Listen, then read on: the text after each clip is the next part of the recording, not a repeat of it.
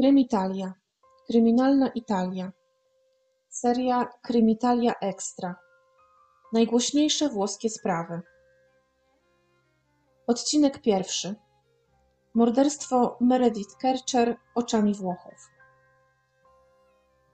Witam Was w pierwszym odcinku z dodatkowego cyklu Extra, który będzie się pojawiał co jakiś czas pomiędzy regularnymi podcastami.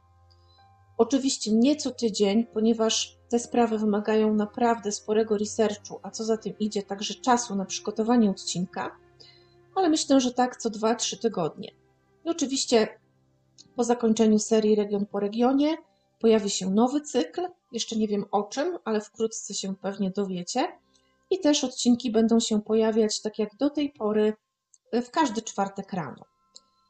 Mam nadzieję, że w tym cyklu ekstra usłyszycie o sprawach, które pomimo, że są dość znane, e, a już zwłaszcza pewnie wielbicielom true crime, to dalej będą dla Was interesujące. A być może nawet będziecie mieli też okazję dowiedzieć się o nich czegoś więcej. Tak więc zapraszam. Morderstwo Meredith Kercher nazywane jest czasami przez dziennikarzy omicidio all'italiana, czyli morderstwem po włosku głównie ze względu na zawiłości procesowe i właściwie to wszystko, co działo się na salach sądowych i nie tylko, i po prostu wokół całej tej sprawy. W mediach włoskich do tej pory podkreśla się również fakt, że morderstwo dziewczyny zostało właściwie wyjaśnione jedynie połowicznie i że nadal pozostało mnóstwo pytań bez odpowiedzi tak naprawdę pomimo sześciu procesów, jakie odbyły się w tej sprawie. I nie muszę chyba też dodawać, bo sami pewnie to doskonale wiecie, że ta sprawa była tak bardzo medialna, jak tylko sobie można to wyobrazić. I to nie tylko we Włoszech czy w Stanach Zjednoczonych, ale na całym świecie. Nazwisko Amandy Knox było wyszukiwane w Google setki tysięcy razy, a jej poczynania śledzone z najwyższą uwagą. I zważywszy na to, że będę dziś opowiadać o przypadku morderstwa, który był już, tak jak mówię, omawiany i dyskutowany dziesiątki tysięcy razy, i że prosiliście o przedstawienie przede wszystkim włoskiej perspektywy, postanowiłam posiłkować się praktycznie wyłącznie treściami wyroków ze wszystkich procesów w tej sprawie oraz dokumentami sądowymi, a także dokumentami nakręconymi o tej sprawie przez włoskich twórców.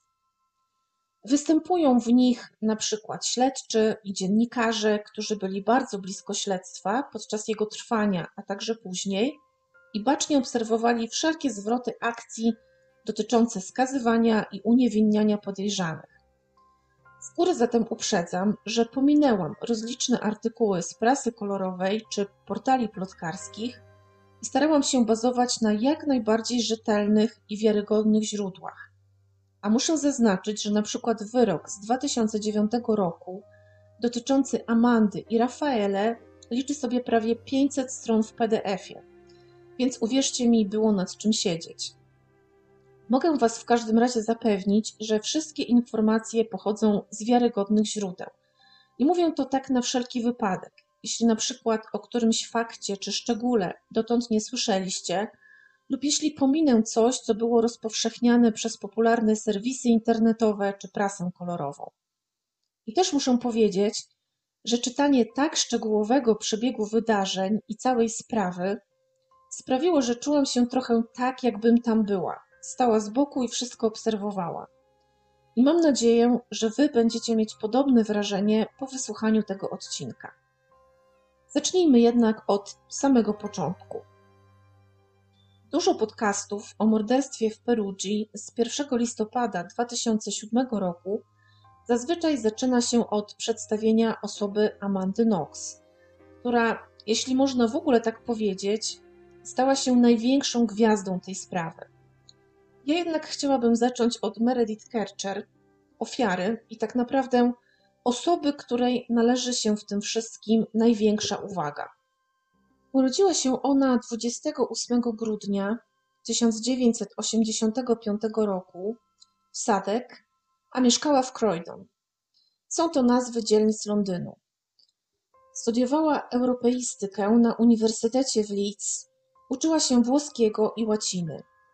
Jej rodzicami byli John Kercher, dziennikarz wolny strzelec, oraz jego była żona Arline, która miała hindusko-angielskie korzenie. Oprócz Meredith doczekali się oni jeszcze dwóch córek i syna i nie byli zbyt zamożną rodziną. Meredith uczyła się również tańca oraz uprawiała sport, piłkę nożną i karate, także przepadała za pizzą. Według przyjaciół była silna zarówno fizycznie, jak i psychicznie. Rodzina opisywała ją jako bardzo inteligentną, sumienną i odpowiedzialną osobę. Była też bardzo związana ze swoimi rodzicami i rodzeństwem. Zakwalifikowała się do programu Erasmus we Włoszech, co było dla niej spełnieniem ogromnego marzenia.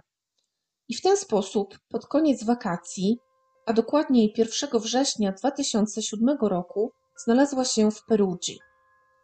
Wybrała akurat to miasto, ponieważ było ono dość małe, a do tego miało dobre połączenie lotnicze z Londynem. Meredith nie zależało na tym, żeby być w jakiejś bardzo turystycznej czy zatłoczonej lokalizacji.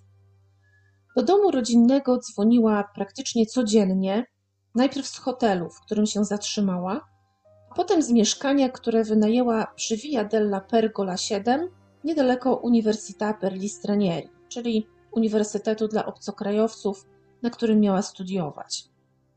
I to mieszkanie zaczęła wynajmować wraz z trzema innymi dziewczynami.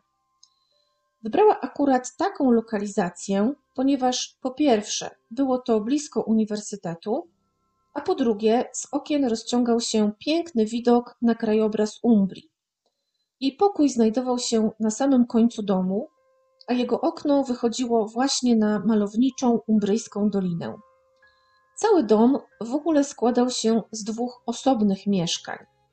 Jedno było tak jakby w piwnicy, w suterenie, i tam mieszkało czterech chłopaków pochodzących z włoskiego regionu Marke, natomiast drugie mieszkanie było wyżej i to z kolei zajmowały właśnie dziewczyny.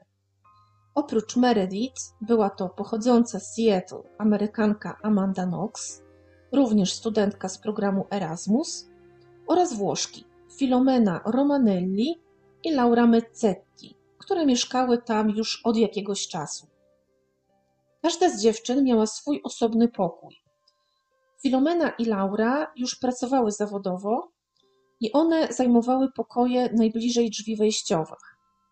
Oba te pokoje przedzielał salon z aneksem kuchennym, który był do dyspozycji wszystkich czterech dziewczyn, a od salonu odchodził korytarz prowadzący do małej łazienki, położonej tuż obok pokoju Meredith. I tej łazienki używały głównie właśnie Meredith i Amanda. Laura i Filomena używały z kolei większej łazienki, w której znajdowała się również pralka i do której wchodziło się przez drzwi też prowadzące z salonu. I to na razie tyle, jeśli chodzi o konfigurację pomieszczeń w tym domu, ale jeszcze będę musiała o tym wspomnieć za jakiś czas. Amanda z kolei wybrała Perugię, ponieważ, jak później opowiadała jej mama, Chciała przede wszystkim poznać Włochów, nauczyć się czegoś o włoskiej kulturze, nauczyć się dobrze języka i też najlepiej w niezbyt zatłoczonym i popularnym turystycznie mieście. W Stanach pracowała, aby odłożyć pieniądze na swój wyjazd, pomagali jej finansowo także rodzice. W połowie sierpnia przyleciała najpierw do Niemiec, gdzie miała ciotkę, a potem razem z siostrą do Perugii gdzie znalazła mieszkanie do wynajęcia przy Via della Pergola. Amanda miała zresztą dużą rodzinę. W Stanach były to trzy młodsze siostry, oczywiście też rodzice. Rodzice byli rozwiedzeni, ale mieszkali blisko siebie. I zarówno w swoim kraju, jak i w Niemczech miała też sporo kuzynów. Jej mama była zresztą Niemką z pochodzenia. W Perugii Amanda zaczęła też chodzić na zajęcia na uniwersytecie. Jeśli chodzi o uczęszczanie na zajęcia, to była ona opisywana jako osoba punktualna, sumienna i pilna. Znalazła również szybko pracę w pubie Le Chic, prowadzonym przez pochodzącego z Konga Patryka Lumumbę. Najpierw pracowała tam codziennie, a potem dwa razy w tygodniu. Wróćmy jednak do Meredith. Po zakończeniu kursu języka włoskiego w Perugii, Meredith zaczęła chodzić też na inne przedmioty, między innymi politykę, literaturę angielską i kino. 28 września wróciła na chwilę do Londynu, aby zabrać stamtąd cieplejsze ubrania i 1 października zjawiła się z powrotem w Perugii. Bliscy Meredith znali jej współlokatorki i Amandę oczywiście z opowieści. Wiedzieli, że dziewczyny się kolegują. Meredith też im opowiadała, że na przykład kiedy Amanda zaczęła pracę w pubie, poszła tam razem z przyjaciółmi, aby jej kibicować. Opisywała ją zresztą też jako zabawną, wiecznie śmiejącą się dziewczynę. We wspólnym mieszkaniu Amanda zjawiła się również na początku września, potem wyjechała jeszcze na chwilę do cioci do Niemiec, by za kilka dni wrócić już na dobre do Perugii. Meredith dzwoniła do swojej mamy 1 listopada wczesnym popołudniem. Zresztą, jak już wiecie, dzwoniła do domu praktycznie codziennie. Powiedziała wtedy podczas tej rozmowy, że 9 listopada wróci do Londynu, aby świętować jej zbliżające się urodziny. Walizka Meredith była zresztą już pełna upominków dla rodziny, między innymi czekoladek dla siostry. To był niestety ostatni raz, kiedy Arline słyszała swoją córkę. Zróbmy teraz mały przeskok do przodu. 1 listopada, około 22, sąsiadka Meredith i Amandy, kobieta mieszkająca przy Via Sperandio, ulicy przylegającej do Via Pergola, przy której właśnie mieszkały dziewczyny, dostała anonimowy telefon. Ktoś twierdził, że w łazience jej mieszkania znajduje się bomba. Kobieta zawiadomiła policję, która przyjechała i sprawdziła mieszkanie, ale nic tam nie znalazła. Jednak poprosili kobietę, aby następnego dnia rano poszła razem z mężem na posterunek i złożyła zeznania o tym zdarzeniu. Jednak właśnie rano, kiedy już zbierali się do wyjścia na ten posterunek, ich syn znalazł w ogrodzie ich domu telefon komórkowy.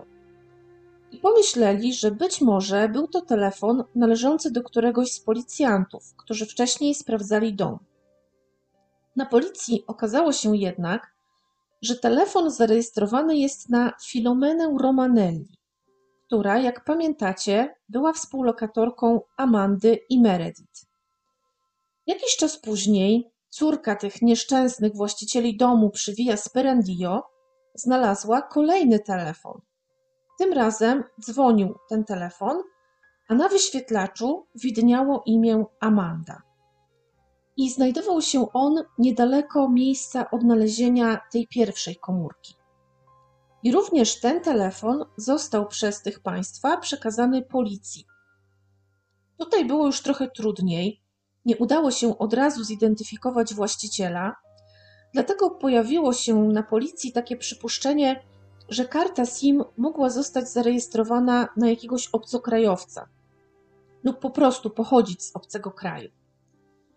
Jeszcze tego samego dnia, około godziny 12, przypomnę, było to 2 listopada, policja udała się pod adres przy Via della Pergola, aby oddać przynajmniej jeden z tych telefonów właścicielce.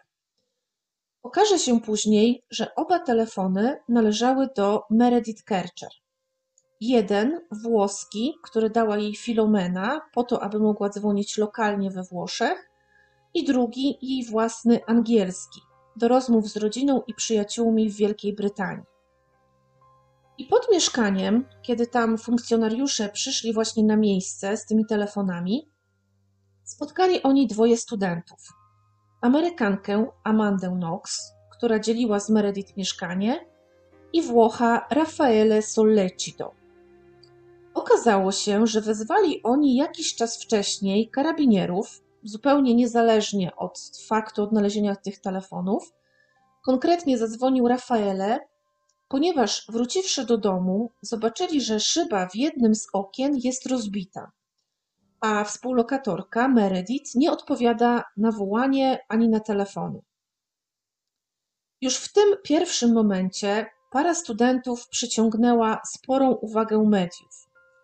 Stojąc pod domem, obejmowali się, całowali, wyglądali na takich no, mocno zakochanych w sobie, byli bardzo blisko ze sobą. Było to dość charakterystyczne, ponieważ też na przykład robili do siebie różne miny i zdawali się tak na pierwszy rzut oka nie przejmować zbytnio zastaną sytuacją.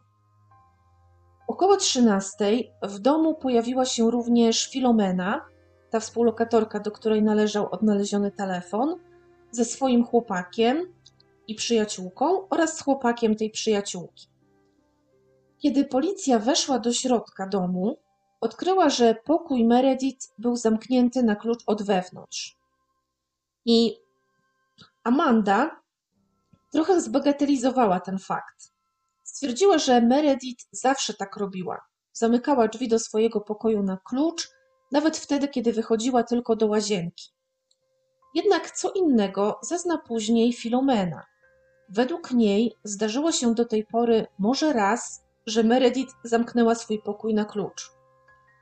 Oprócz tego w mailach, które Amanda wysłała zaledwie kilka dni później do znajomych e, w USA, opisywała ona, że zamknięte drzwi w pokoju Meredith bardzo ją przestraszyły i że spanikowała, kiedy koleżanka nie odpowiadała na wołanie i pukanie. I to nieco przeczy temu, co powiedziała policji tam na miejscu podczas tego jakby pierwszego wejścia do domu, kiedy znaleźli ten pokój zamknięty. Powiedziała właśnie, że Meredith zawsze zamykała swój pokój na klucz. Więc kłóciło się to nieco z tym, co z kolei napisała w mailu. Po sforsowaniu drzwi oczom policjantów ukazał się przerażający widok. Prawie całkowicie ukryte pod kołdrą, leżące w kałuży krwi, nagie zwłoki dziewczyny. Na zdjęciu, które było dostępne w niemal wszystkich mediach, widać było jedynie stopę Meredith wystającą spod jasnobeżowej kołdry.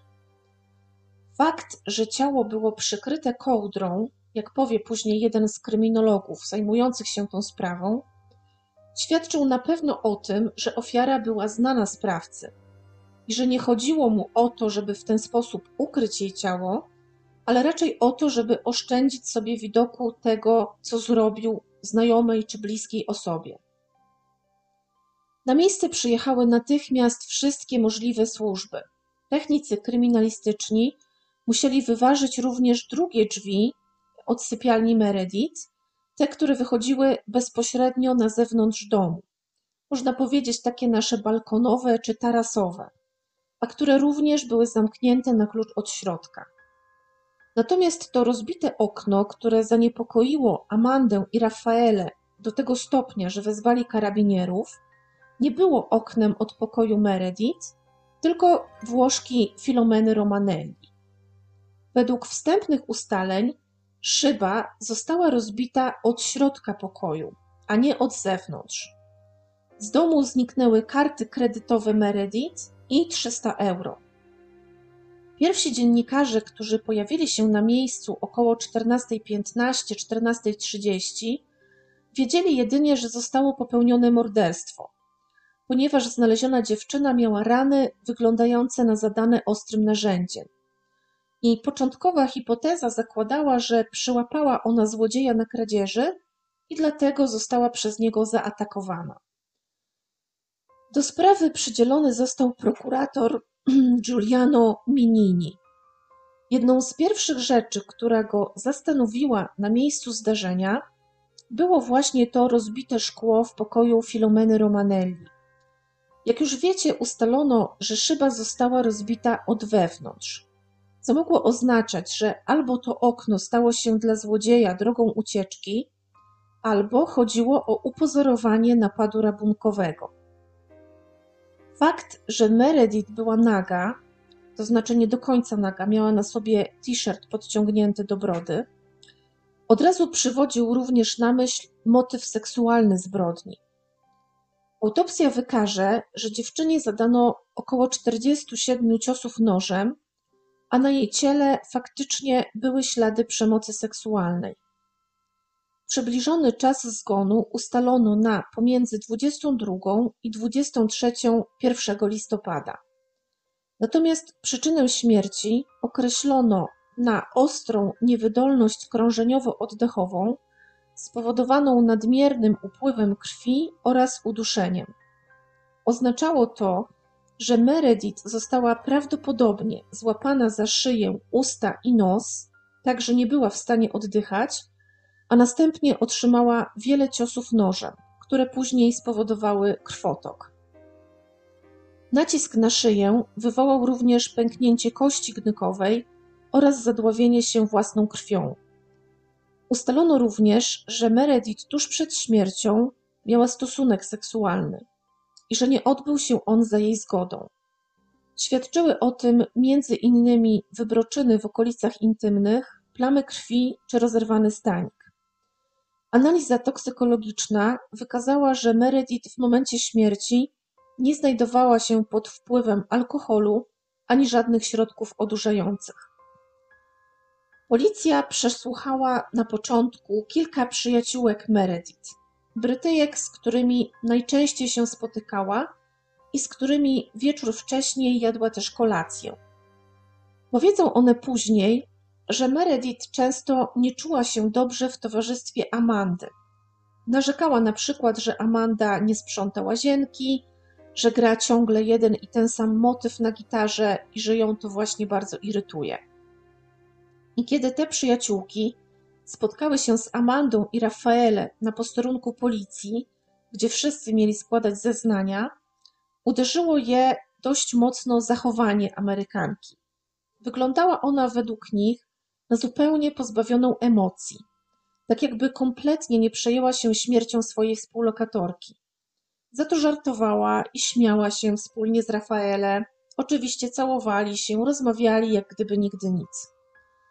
Zeznania tych studentów z Markę, mieszkających w mieszkaniu pod dziewczynami, nie wniosły też nic konkretnego do sprawy. Znali oni oczywiście Meredith i Amandę, czasami jadali razem kolację i palili skręty i haszysz. Pomiędzy Meredith i Amandą nie było według nich żadnych poważnych konfliktów. Oprócz tego, że Meredith faktycznie skarżyła się na bałaganiarstwo Amandy. Jeden z tych chłopaków, Giacomo Silenzi, zbliżył się do Meredith na kilka tygodni przed jej śmiercią i można powiedzieć, że zaczęli tworzyć parę. Sama Amanda twierdziła, że miała z Meredith dobrą relację. Meredith bardzo dużo czytała, więc często rozmawiały o książkach. Często na przykład też siadywały razem na tarasie, żeby się poopalać, Amanda z gitarą, a Meredith z książką. Amanda jednak najbardziej kolegowała się z Laurą, jedną z tych współlokatorek, a na około tydzień przed śmiercią Meredith cały jej wolny czas zaczął zajmować tak naprawdę nowo poznany chłopak Raffaele Sollecito. I czas może, aby powiedzieć tutaj kilka słów o Raffaele. Pochodził on z Giovinazzo w regionie Apulia, a do Perugii przyjechał po zdaniu matury w 2002 roku, żeby studiować informatykę. Był cichym, małomównym i nieśmiałym chłopakiem, dość zamkniętym w sobie. Oglądał też bardzo dużo filmów, w tym, jak się później okaże, również dość mocne porno, zawierające m.in. seks ze zwierzętami. Miał też taki zwyczaj, że nosił w kieszeni nóż, co podobno wzięło się stąd, że jako nastolatek często wycinał w korze drzew różne wzory i napisy, a także strugał sobie z drewna różne figurki. Rafaele i Amanda spotkali się 25 października, czyli raptem sześć dni przed śmiercią Meredith, i ich pierwsze spotkanie miało miejsce na koncercie muzyki klasycznej, na który zresztą Amanda wybrała się razem ze swoją współlokatorką, właśnie z Meredith. Fascynacja pomiędzy Amandą a Rafaele zaczęła się praktycznie od pierwszego wejrzenia.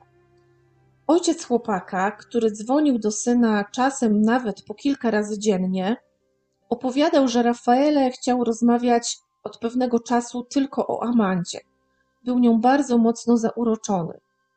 To samo twierdziła też matka Amandy. Córka opowiadała, że znają się z Rafaele kilka dni, a czują się ze sobą tak, jakby byli parą od lat. Spędzali razem bardzo wiele czasu, właściwie każdą wolną chwilę.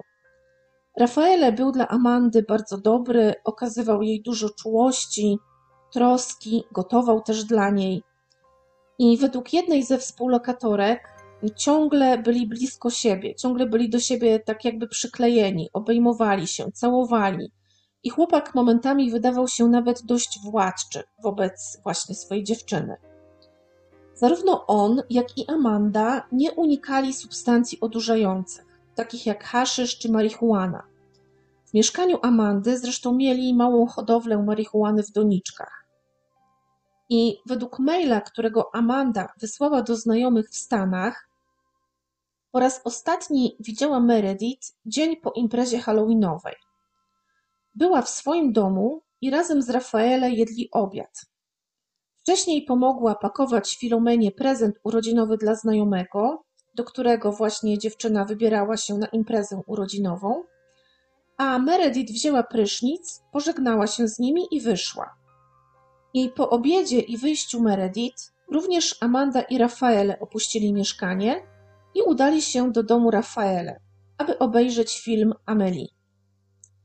Tego wieczora Amanda miała iść do pracy w pubie. Jak pamiętacie, tam dwa razy w tygodniu pracowała właśnie jako barmanka. Ale tego wieczora dostała SMS-a od swojego szefa, Patryka Lumumby, że nie ma takiej potrzeby, bo pub jest pusty. Spędziła więc cały wieczór i noc w domu Rafaele. Zjedli razem późną kolację, rybę i sałatę. Było to około 23, a potem palili marihuanę i uprawiali seks. Wieczorem przyszła też na chwilę koleżanka Rafaele, którą miał on odprowadzić na stację kolejową, a której Amanda nie znała, ale potem ta koleżanka właśnie dała znać, że już nie ma takiej potrzeby, ponieważ kierowca, który miał jej przekazać jakieś walizki z innego miasta od mamy, nie zgodził się ostatecznie, aby przewieźć te bagaże. Następnego dnia, czyli 2 listopada, Amanda wstała około 10.30 rano i postanowiła wrócić do siebie, żeby wziąć prysznic i się przebrać. Na ten dzień razem z Rafaele zaplanowali wycieczkę do Gubbio. Chciała też zabrać ze swojego domu mop, którego potrzebowali do wytarcia podłogi, na którą poprzedniego dnia wylało się sporo wody z pękniętej rury i nie mieli tej wody czym zebrać. I Amanda pamiętała, że rano na dłoni Rafaele zobaczyła ślad krwi i pomyślała, że skaleczył się poprzedniego wieczora podczas przygotowywania ryby na kolację. Ale przejdźmy teraz do pierwszego i być może najważniejszego zeznania Amandy w całej tej naprawdę pokręconej i zawiłej sprawie. Śledczy postanawiają oczywiście ją przesłuchać jako jedną z pierwszych. Po pierwsze, dlatego, że była współlokatorką Meredith, a po drugie, no to ona razem z Rafaele zadzwoniła do po karabinierów. Oprócz tego, tak jak Wam mówiłam, dziewczyna właściwie natychmiast przyciągnęła uwagę policji. Jej zachowanie wydawało się nieadekwatne do sytuacji, niedojrzałe, a wręcz infantylne. I od razu też pojawiły się wątpliwości co do tego, czy Amanda faktycznie poprzedniego wieczora była w domu swojego chłopaka, nowego chłopaka, Rafaele, tak jak twierdziła. A właściwie powiedziała, że wróciła do domu około 11, 2 e, listopada, zastała otwarte na oścież drzwi wejściowe, zamknęła je więc, ale nie na klucz, tylko przymknęła i zauważyła, że drzwi do pokoju Meredith są zamknięte, pomyślała więc, że dziewczyna po prostu śpi. Poszła potem do tej mniejszej łazienki, którą dzieliła właśnie razem z Meredith i po wzięciu prysznica zobaczyła, że na dywaniku łazienkowym na kranie i w umywalce są ślady krwi. Najpierw pomyślała nawet, że to jest jej własna krew, ponieważ niedawno przekuła sobie uszy, ale dotknęła plamki tej, tej krwi właśnie gdzieś tam na umywalce i zauważyła, że jest ona zaschnięta, co wydało jej się dziwne, czyli to nie mogła być ta świeża krew, która gdzieś tam by jej płynęła z uszu. Z kolei plamę na dywaniku wzięła po prostu za krew menstruacyjną, której, jak uznała, któraś z dziewczyn po prostu nie wyczyściła. Następnie ubrała się w swoim pokoju i poszła do drugiej łazienki, tej większej, żeby wysuszyć włosy. I zauważyła też wtedy, że woda w sedesie, w tej dużej łazience, nie była spuszczona. Możecie się też oczywiście domyślić, co się w tym sedesie znajdowało. I to również bardzo ją zdziwiło, ponieważ chodziło o łazienkę Filomeny i Laury, która była zawsze bardzo czysta i wysprzątana. No ale długo się nad tym nie zastanawiała, wzięła mop, zamknęła drzwi na klucz i wróciła do domu Rafaele. Tam opowiedziała mu o tym, co zastała w swoim domu, a ten jej poradził, żeby zadzwoniła do którejś ze współlokatorek. Zadzwoniła do Meredith, ale oczywiście nikt nie odebrał. Potem zadzwoniła do Filomeny, która jej powiedziała, że nie spędzała nocy w domu, podobnie zresztą jak Laura. I Filomena poradziła jej, aby jeszcze raz zadzwoniła do Meredith, a jeśli ta nie odbierze, to żeby po prostu wróciła do domu. I Amanda tak właśnie zrobiła. Wróciła razem z Rafaele do domu. W pierwszej kolejności weszli do pokoju Filomeny, gdzie zauważyli rozbite szkło i dość spory bałagan, ale Amanda zerknęła, że komputer był na swoim miejscu i na pierwszy rzut oka nie wyglądało na to, żeby coś zginęło. Pomyślała jednak natychmiast o tym, że do domu ktoś musiał się włamać. Zaczęła więc sprawdzać pozostałe pokoje. Pokój Laury był w porządku, z pokoju jej samej również niczego nie brakowało. Został jej więc tylko pokój Meredith. I kiedy zorientowała się, że był zamknięty na klucz, wpadła w panikę, wyszła nawet na zewnątrz, na taras, żeby zajrzeć do środka przez drzwi zewnętrzne, ale nic nie mogła dostrzec. Zeszła wtedy do mieszkania chłopaków, które, jak pamiętacie, było położone niżej, ale nikogo w nim nie zastała. Wróciła więc do swojego mieszkania, gdzie Rafaele powiedział jej, że próbował sforsować drzwi do pokoju Meredith, ale nie udało mu się to. Wtedy postanowili zadzwonić na policję. Amanda w międzyczasie zadzwoniła też do Filomeny i poprosiła, żeby wróciła do domu. Resztę już znacie. Muszę podkreślić, że także włoskie media i osoby związane zawodowo ze sprawą Meredith bardzo mocno zwracają uwagę na to, że pierwsze przesłuchanie Amandy odbyło się bez obecności adwokata i trwało przez niemal cztery dni z niewielkimi przerwami. Przesłuchanie odbywało się w obecności dwunastu policjantów.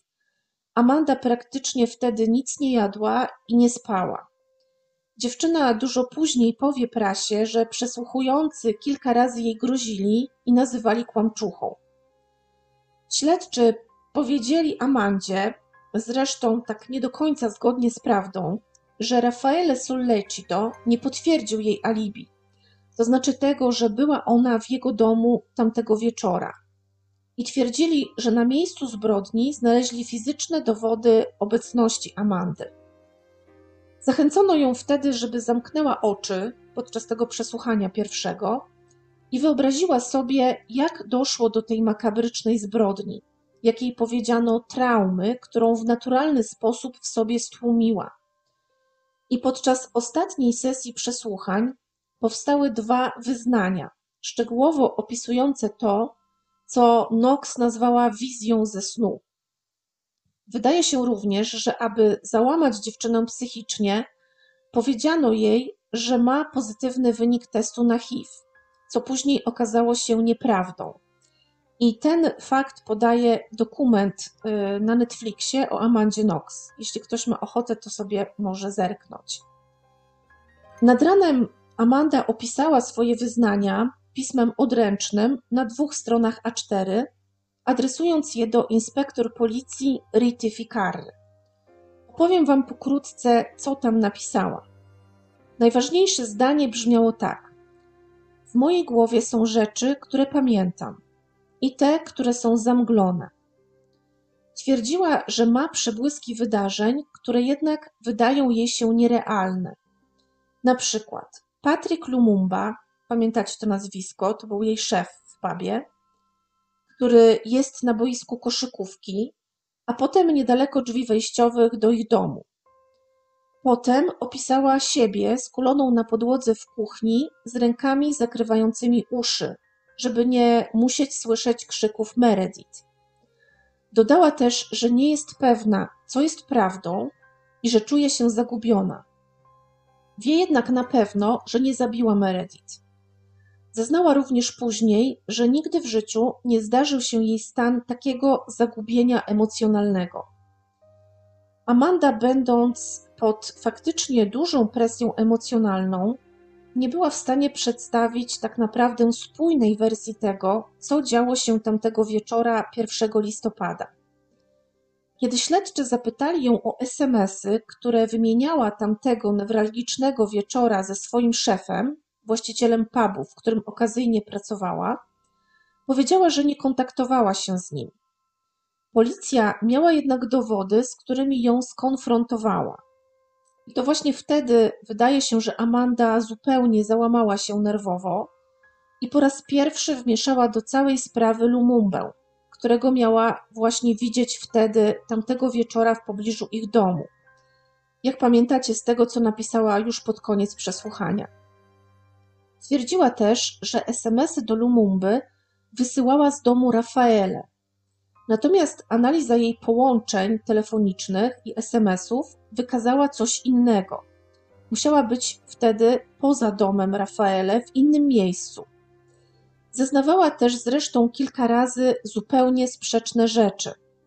Na przykład, że wieczorem 1 listopada około 21 udała się z Patrykiem Lumumbą do domu przy Via della Pergola, czyli do swojego domu. Potem natomiast odwołała te słowa, twierdząc, że była pod presją i miała załamanie nerwowe. Nie wiedziała, co jest prawdą, a co wytworem jej umysłu. Ze względu na te zeznania, policja postanowiła jednak zatrzymać Patryka Lumumbę, właściciela pubu Le pochodzenia kongijskiego, u którego Amanda od czasu do czasu pracowała jako barmanka. Włoskie dokumenty o tej sprawie podkreślają również fakt, że Amanda w momencie opisywanych wydarzeń była we Włoszech od bardzo krótkiego czasu i podczas swojego pierwszego przesłuchania nie miała zapewnionego tłumacza. Uznano nawet później, że dziewczyna musiała też znajdować się wtedy pod wpływem sporego szoku. Oprócz tego prawdopodobnie była pod ogromną presją ze strony przesłuchujących się śledczych i przesłuchanie nie zostało tak naprawdę przeprowadzone zgodnie z dobrymi praktykami tego zawodu. W tamtym momencie tak naprawdę jedyną bliską Amandzie osobą był Raffaele Sollecito, a podkreślić trzeba fakt, że byli oni parą od zaledwie, od zaledwie sześciu dni, w czasie kiedy Amanda była przesłuchiwana. I te pierwsze zeznania Knox, w których wypłynęła osoba Patryka Lumumby, sprowadziły tak naprawdę śledztwo na nieco fałszywe tory. Amanda zaprzeczy potem, że oskarżyła Patryka Lumumbę po to, żeby odsunąć podejrzenia od siebie. Powiedziała, że zrobiła to jedynie pod wpływem szoku i sytuacji, w jakiej się znalazła. Jak pamiętacie, Amanda zeznawała, że wieczorem 1 listopada wyszła, aby spotkać się z Patrykiem Lumumbą, a następnie razem poszli do domu, który wynajmowały Amanda i Meredith, ponieważ Patrykowi Lumumbie podobała się Meredith i chciał się z nią spotkać. Amanda zeznała potem, że ona sama poszła do jadalni, a Lumumba wszedł do pokoju Meredith.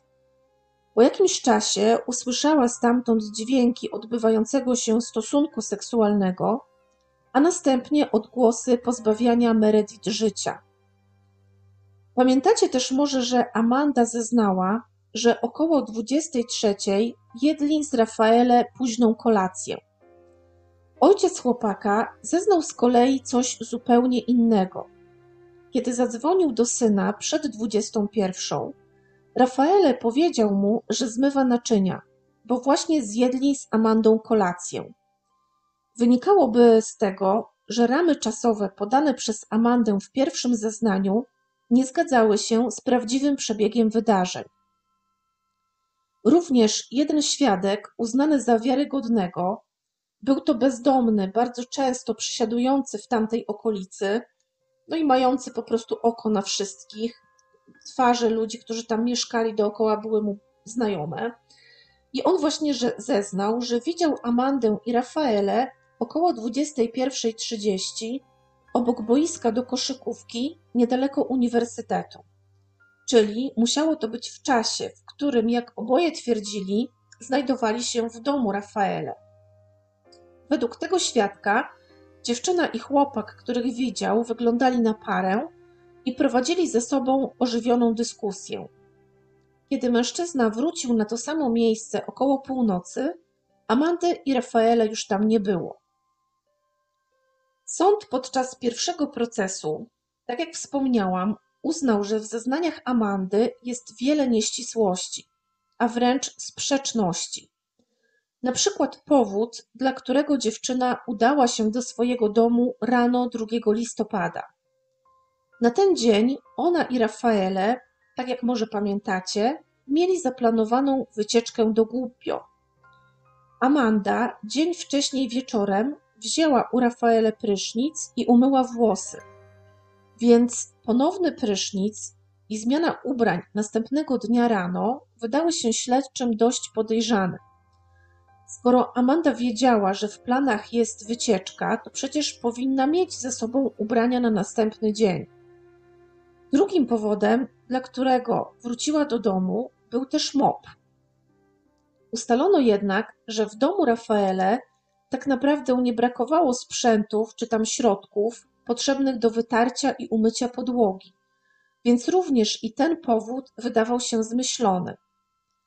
Śledczy podważali również zeznania Amandy dotyczące tego, że 2 listopada wstała dopiero około 10. Według słów jej współlokatorki Laury, Amanda była raczej rannym ptaszkiem i nigdy nie spała do późna. Poza tym mieli jechać na wycieczkę, więc było mało prawdopodobne, że zamiast wyjść rano, spaliby aż do tak późnej godziny. Dziennikarz występujący w programie Dog Crime zauważa ciekawą rzecz. Według niego Amanda, Rafaele i Patrick, którego wskazała tak naprawdę sama Amanda, zostali zatrzymani zbyt wcześnie oraz jedynie na podstawie poszlak, wtedy kiedy nie było przeciw nim tak naprawdę żadnych konkretnych i twardych dowodów. Gdyby śledczy najpierw założyli im na przykład podsłuchy, wzięli pod skrupulatną obserwację i dali swobodę, tak aby uśpić ich czujność, być może śledztwo potoczyłoby się w zupełnie innym kierunku. I myślę, że nie sposób się z tym nie zgodzić. Często przecież bywało tak, że osoba winna lub w jakiś sposób zamieszana w morderstwo czy inne przestępstwo czuła się na tyle pewnie, kiedy nie znajdowała się jakby pod obserwacją, nie wiedziała, że się znajduje pod obserwacją śledczych, że po prostu straciła czujność i zdradzała się w końcu z czymś.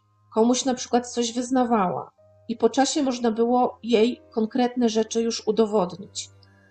Tutaj jednak tak się nie stało i potrzebna była cała długa seria procesów i wyroków, aby rozstrzygnąć przynajmniej częściowo tę zawiłą, być może zupełnie niepotrzebnie sprawę. Wróćmy jednak do śledztwa.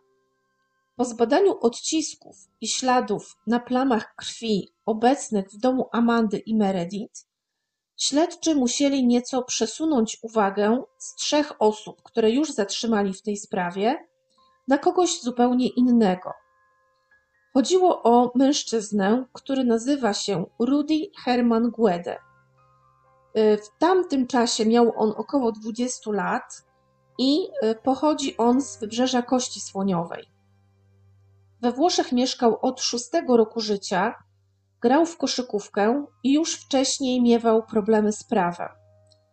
I jak ustaliły badania, częściowe odciski linii papilarnych znalezione na zakrwawionej pościeli w pokoju Meredith oraz na papierze toaletowym w łazience, tej większej, należały właśnie do niego. Od razu może też powiem, gdzie jeszcze znajdowały się jego ślady biologiczne. Przede wszystkim wymaz pobrany z pochwy Meredith zawierał ślady DNA jej i właśnie Rudiego. Oprócz tego jego DNA było na mankiecie bluzy Meredith znalezionej w jej pokoju oraz na ramionczku biustonosza i na jej torebce. W korytarzu odchodzącym od pokoju Meredith znaleziono krwawe odciski podeszwy buta, które najpierw uznano za ślady Raffaele Sollecito. Natomiast po dokładniejszym zbadaniu uznano, że pasują one do butów, jakie znaleziono w pudełku w mieszkaniu Rudiego. Jego nazwisko wypłynęło już trochę wcześniej, podczas pierwszych przesłuchań chłopaków mieszkających w mieszkaniu w podziemiach domu, które wynajmowały dziewczyny. Tych z Markę. Zeznawali oni na przykład, że Rudy bywał w ich domu, ponieważ bardzo często chodził na boisko do koszykówki, które znajdowało się niedaleko. Znali się, czasem razem imprezowali, oglądali też na przykład wyścigi Formuły 1. Rudy często przychodził nawet bez zaproszenia, a raz zdarzyło się, że przyszedł po imprezie i zasnął u nich w łazience na sedesie. Na jakiś czas przed śmiercią Meredith Rudy wypytywał o Amandę, która jeszcze wtedy nie była w związku z Rafaele i mówił, że Amanda mu się podoba. Chłopak został zatrzymany w Niemczech, wracał bez biletu pociągiem do Włoch, być może nawet po to, aby spotkać się z jakimś prawnikiem, ponieważ wiedział już, że jest poszukiwany. Policjanci tak w ogóle odnaleźli go dzięki długiej, niemal dwugodzinnej rozmowie na Skype'ie, jaką przeprowadził ze swoim znajomym Giacomo, który wtedy znajdował się na posterunku karabinierów, a Rudy Guede oczywiście nie wiedział, że jest podsłuchiwany. I w tej rozmowie opowiadał koledze o tym, co wydarzyło się 1 listopada w nocy w domu Meredith i użył też wtedy dość znaczących słów. Bałem się, że zrzucą winę tylko na mnie. Tylko.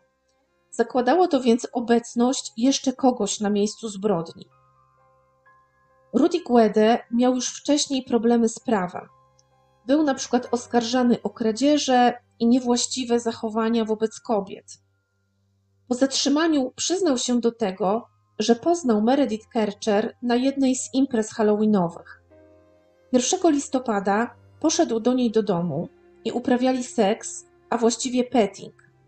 Tu dodam, że na próbce pobranej z pochwy Meredith nie było spermy, jedynie DNA Rudiego. I oczywiście nie przyznał się absolutnie do zamordowania dziewczyny. Według jego wersji, podczas gdy on sam był w łazience i słuchał muzyki przez słuchawki, ktoś wszedł do domu i pozbawił Meredith życia. Kiedy on sam wyszedł z łazienki, zobaczył uciekającego mężczyznę, który próbował zranić również jego i krzyknął do niego coś w stylu: Jest murzyn, jest winny a zaraz potem zobaczył umierającą Meredith. Próbował jej pomóc, próbował zatamować krew, stąd właśnie według niego ślady jego palców na pościeli, ale nie był w stanie nic zrobić. Przeraził się więc możliwych konsekwencji, spanikował i uciekł.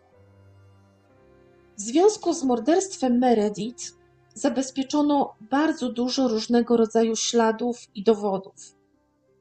W jej pokoju znaleziono na przykład czarną lampkę, która, jak się później okazało, wcześniej stanowiła element wyposażenia pokoju Amandy. Sama Amanda nie umiała jednak wyjaśnić, skąd lampka z jej pokoju mogła się wziąć w pokoju Meredith.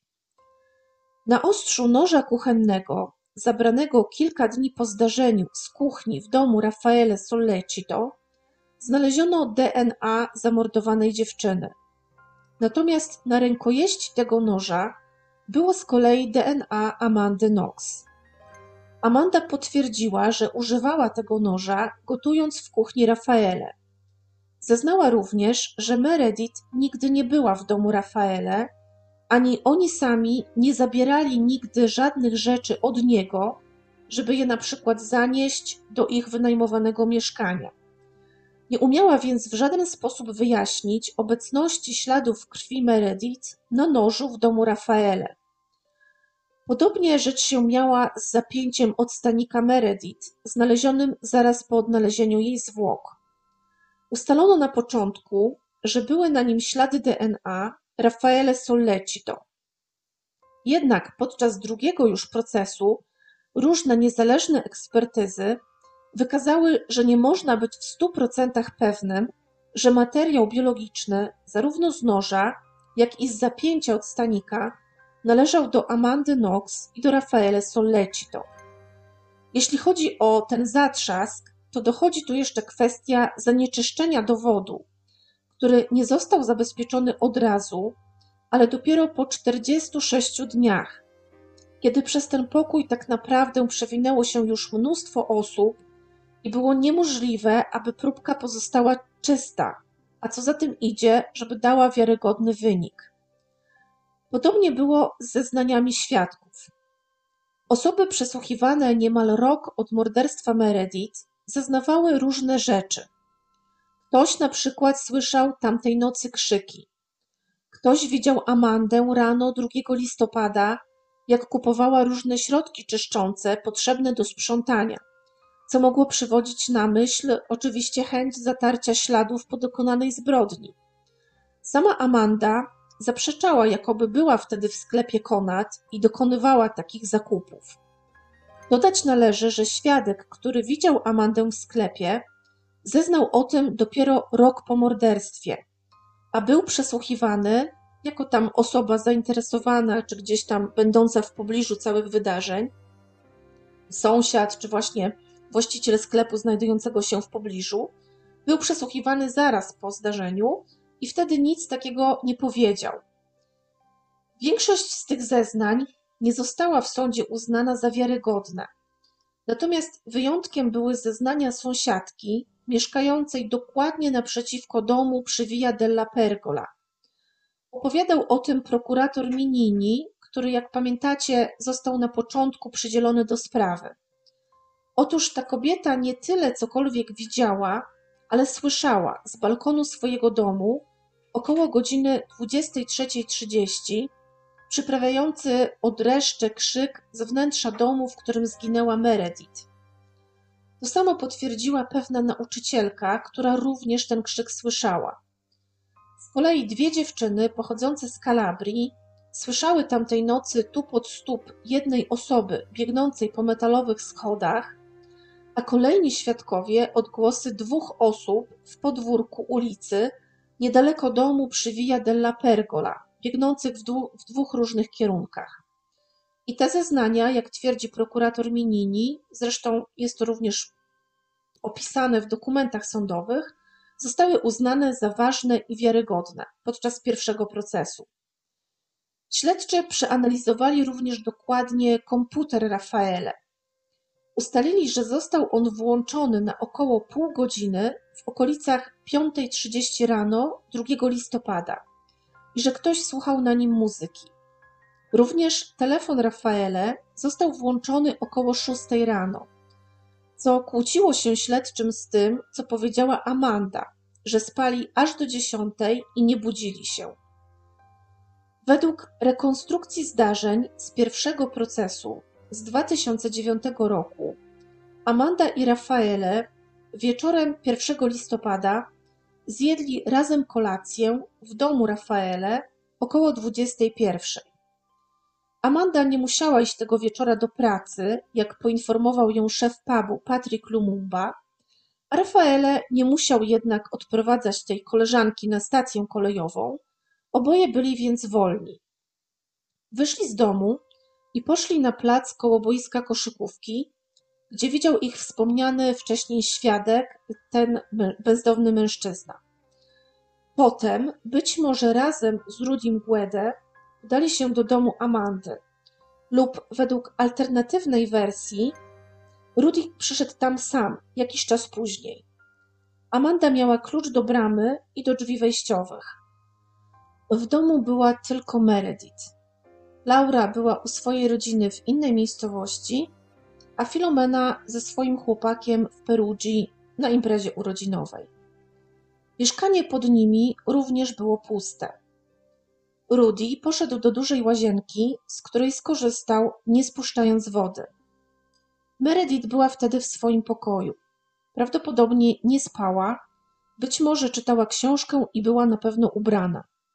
Przypomnę, że część jej ubrań zostały znalezione w pokoju. Na mankiecie bluzy były ślady biologiczne Rudiego, skarpetki i koszulka były poplamione krwią.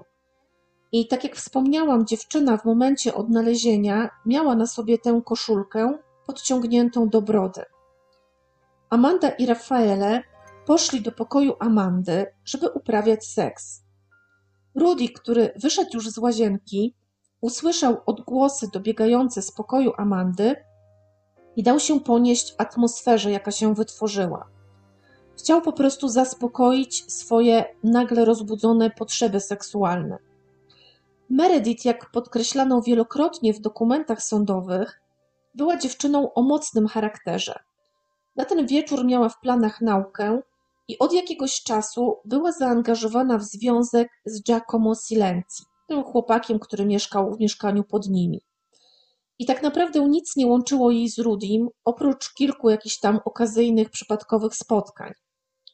Nie jest pewne, czy Rudy wszedł do pokoju Meredith z własnej inicjatywy, pobudzony klimatem intymności wytworzonym przez Amandę i Rafaele, czy to właśnie oni sami zachęcili go do tego, aby wszedł do Meredith. I tutaj cały czas mówię o ustaleniach procesowych z 2009 roku, z pierwszego procesu. Co wydaje się pewne, to to, że Rudy zmusił Meredith do czynności seksualnych. Według zeznań jednego ze świadków, Guede, zwłaszcza kiedy był pod wpływem alkoholu, często narzucał się dziewczynom, blokował im drogę i próbował pocałować.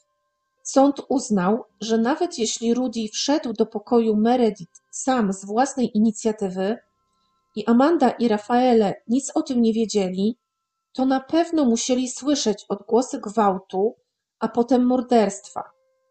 Pamiętacie zapewne zeznanie sąsiadki, według której po 23 z domu przy Via della Pergola rozległ się przeraźliwy, wręcz przeszywający krzyk. Według sądu Amanda i Rafaele nie udzielili Meredith żadnej pomocy, być może ze względu na to, że byli pod wpływem substancji odurzających, co czyni ich tak samo winnymi jej śmierci. Co więcej, sąd uznał, że uczestniczyli oni aktywnie w akcie przemocy dokonanym na Meredith, a motywem była po prostu chęć eksperymentów seksualnych wywołana skłonnością Rafaele do oglądania ostrych filmów pornograficznych oraz odurzeniem narkotykami. Amanda miała przytrzymywać Meredith, kiedy Rudy Guede ją gwałcił, a następnie zadawał ciosy nożem. Eksperci podczas pierwszego procesu nie mogli również wykluczyć, że nożem w celu zadania ran posługiwała się nie jedna, a więcej osób. Sam sposób zadawania ran i rany, same rany, nie stanowiły żadnego dowodu na to, że napastnikiem była tylko jedna osoba. W sądzie podniesiono również fakt, że Meredith była bardzo wysportowana. Uprawiała piłkę nożną i karate, próbowała również boksu. A na jej ciele znaleziono tak naprawdę jedynie niewielkie ślady obronne. Oprócz tego wydawało się mało prawdopodobne, że tylko jedna osoba dałaby radę zerwać z silnej i wysportowanej Meredith wszystkie ubrania. Uznano więc, że Amanda i Rafaele musieli współpracować z Rudim podczas zadawania śmierci Meredith. Pamiętacie również o śladach biologicznych obojga, które zostały znalezione w pokoju Meredith. Te ślady DNA były bardzo szeroko dyskutowane podczas procesu, a w dokumentach cała ich analiza i omówienie zajmuje chyba około 200 stron. Pamiętacie pewnie również o słynnym nożu, na którym znaleziono ślady Meredith i Amandy.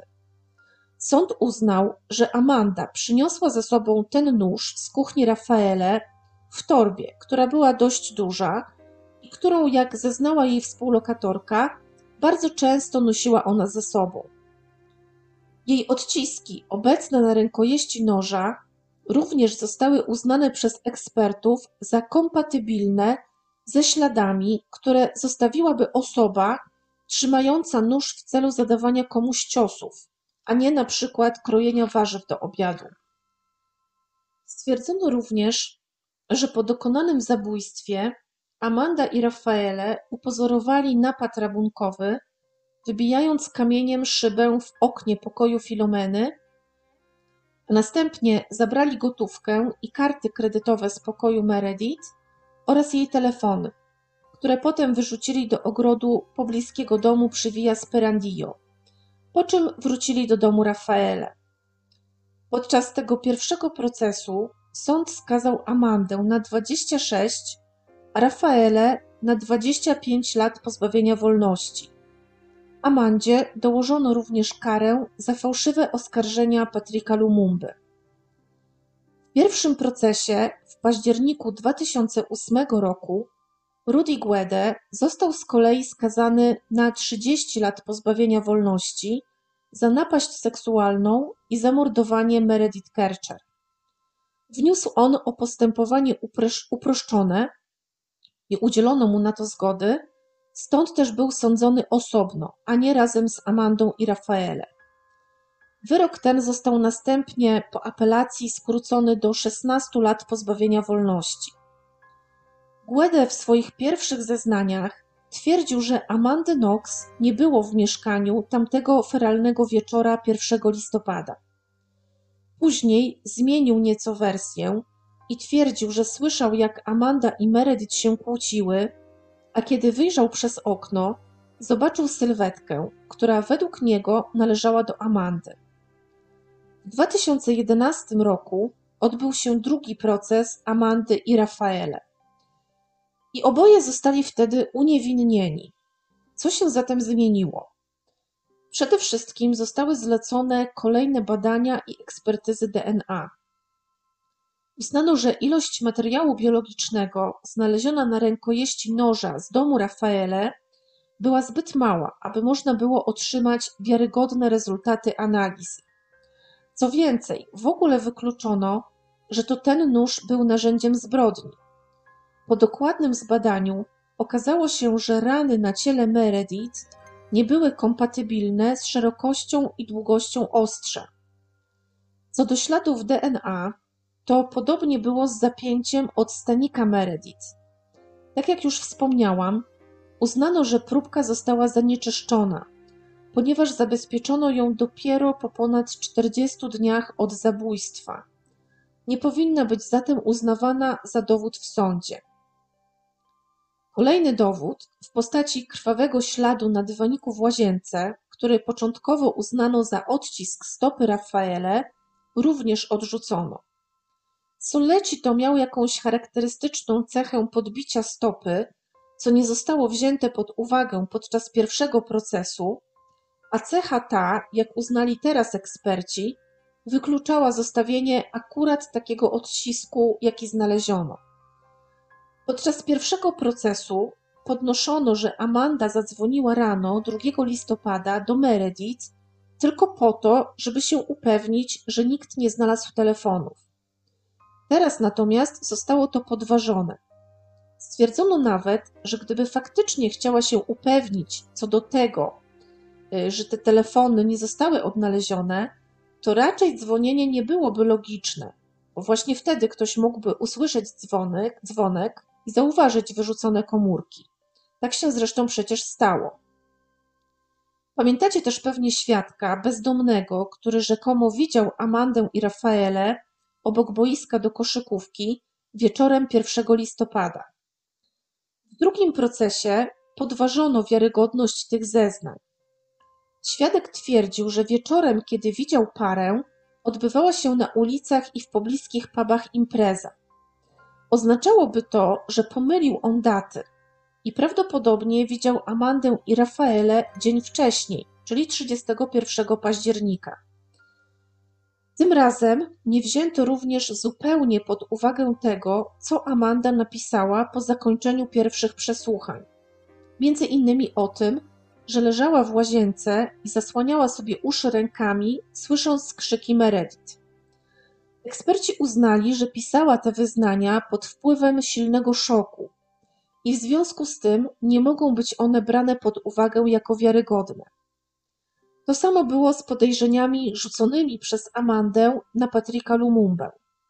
Sąd podczas drugiego procesu uznał, że dziewczyna zrobiła to tylko po to, aby uwolnić się spod presji śledczych, powiedzieć im cokolwiek, co chcieli usłyszeć, byle już przestali na nią naciskać. Knox była przesłuchiwana tak długo i intensywnie jako jedyna. Jej pozostałe współlokatorki i inne osoby związane ze sprawą nie były pod aż tak ogromną presją. Sąd drugiej instancji uznał również, że godzina zgonu ustalona początkowo była błędna i że Meredith na pewno została zamordowana przed 22.15. Rudy Guede, skazany za to morderstwo, napisał do znajomego jakiś czas po zdarzeniu, że około 21.30-22 był w domu przy Via della Pergola. Zresztą no, jego obecność tam była bezdyskusyjna ze względu na ślady w łazience i próbki pobrane z ciała i ubrań Meredith. W sądzie podkreślono również, że dowody przedstawione podczas pierwszego procesu w sprawie Amandy i Rafaele były jedynie poszlakowe. Na tym jednak sprawa się nie kończy, ponieważ w 2014 roku Amanda i Rafaele zostali skazani ponownie. Rozprawa odbyła się w sądzie drugiej instancji, a została wniesiona z powodu odnalezienia nowego dowodu. Była nim niezbadana wcześniej próbka DNA na ostrzu noża, który sąd podczas pierwszego procesu uznał za narzędzie zbrodni. I mimo, że badanie tej próbki nie wykazało obecności DNA Meredith, rozprawa się odbyła, a wyroki były ponownie skazujące. Amanda dostała 28,5 roku pozbawienia wolności, natomiast Rafaele 25. Myślę, że nie będę Wam już opisywać, dlaczego sąd znowu doszedł do wniosku, że Amanda i Rafaele są winni.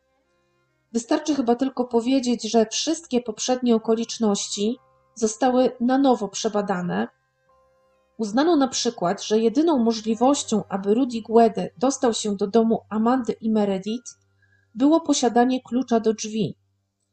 Uznano, że Meredith na pewno nie otworzyła mu sama a wybite okno było z całą pewnością próbą upozorowania kradzieży. I jedyną osobą, która mogła dać Rudiemu klucz lub wpuścić go do środka, była według sądu Amanda. I właściwie wiele takich okoliczności, które w sądzie apelacyjnym zostały uznane za niewystarczające, aby wydać wyroki skazujące, tu ponownie zostały wzięte pod uwagę. I wreszcie w 2015 roku włoski sąd kasacyjny ostatecznie uznał Amandę Knox i Raffaele Sollecito za niewinnych zarzucanych im czynów. W sądzie podniesiono, że nie było żadnych fizycznych dowodów na obecność tych dwojga na miejscu zbrodni. Nie można ich więc uznać za winnych morderstwa. Amanda w momencie ogłaszania tego wyroku była w Stanach Zjednoczonych. I cóż, tak dobrnęliśmy prawie do końca tej bardzo medialnej, bardzo zagadkowej i tak naprawdę chyba nie do końca rozwiązanej sprawy. Ale właściwie to źle powiedziałam, bo ta historia zdaje się nie mieć końca. Ciągle pojawiają się informacje a to o osobach, które miały z nią jakiś związek, a to o nowych, sensacyjnych ustaleniach.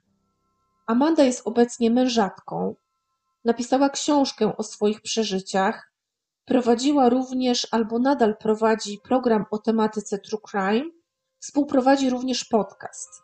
Podobno jest też milionerką.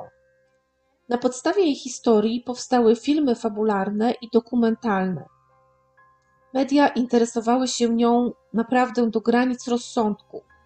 Podczas procesów śledzono każdy jej krok, komentowano miny, gesty, ubrania, zachowania i fryzury.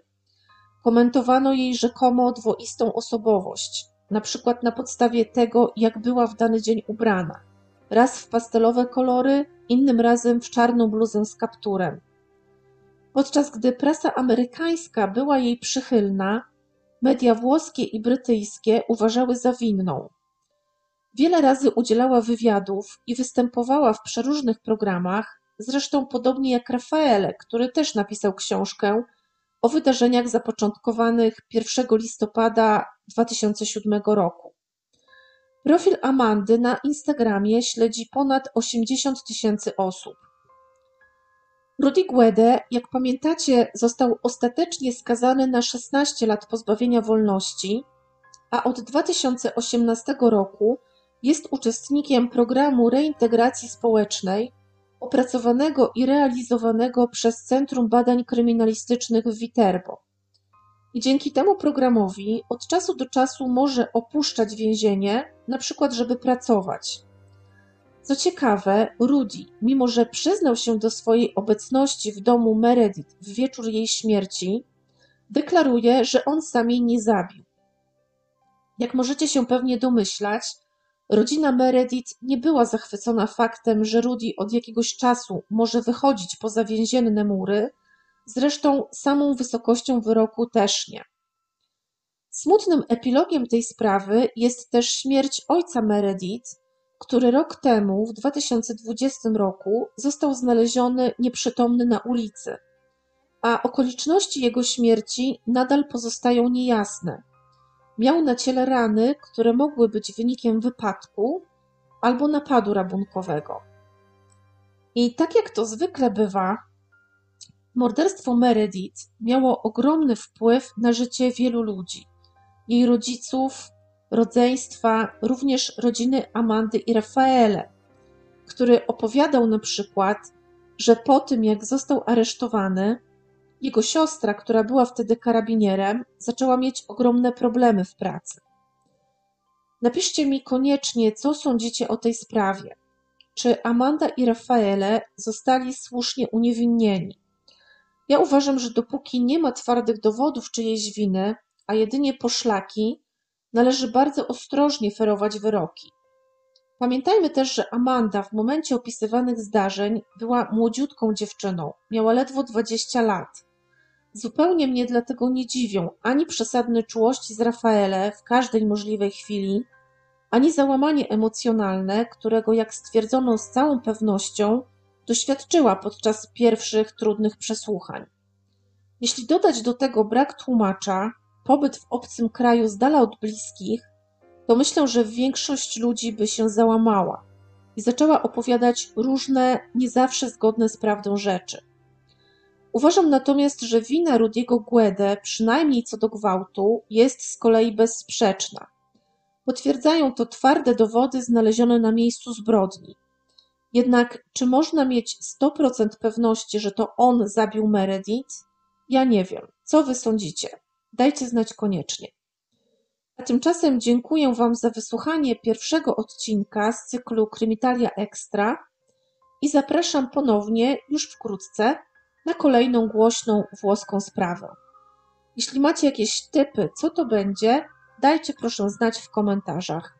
Do usłyszenia.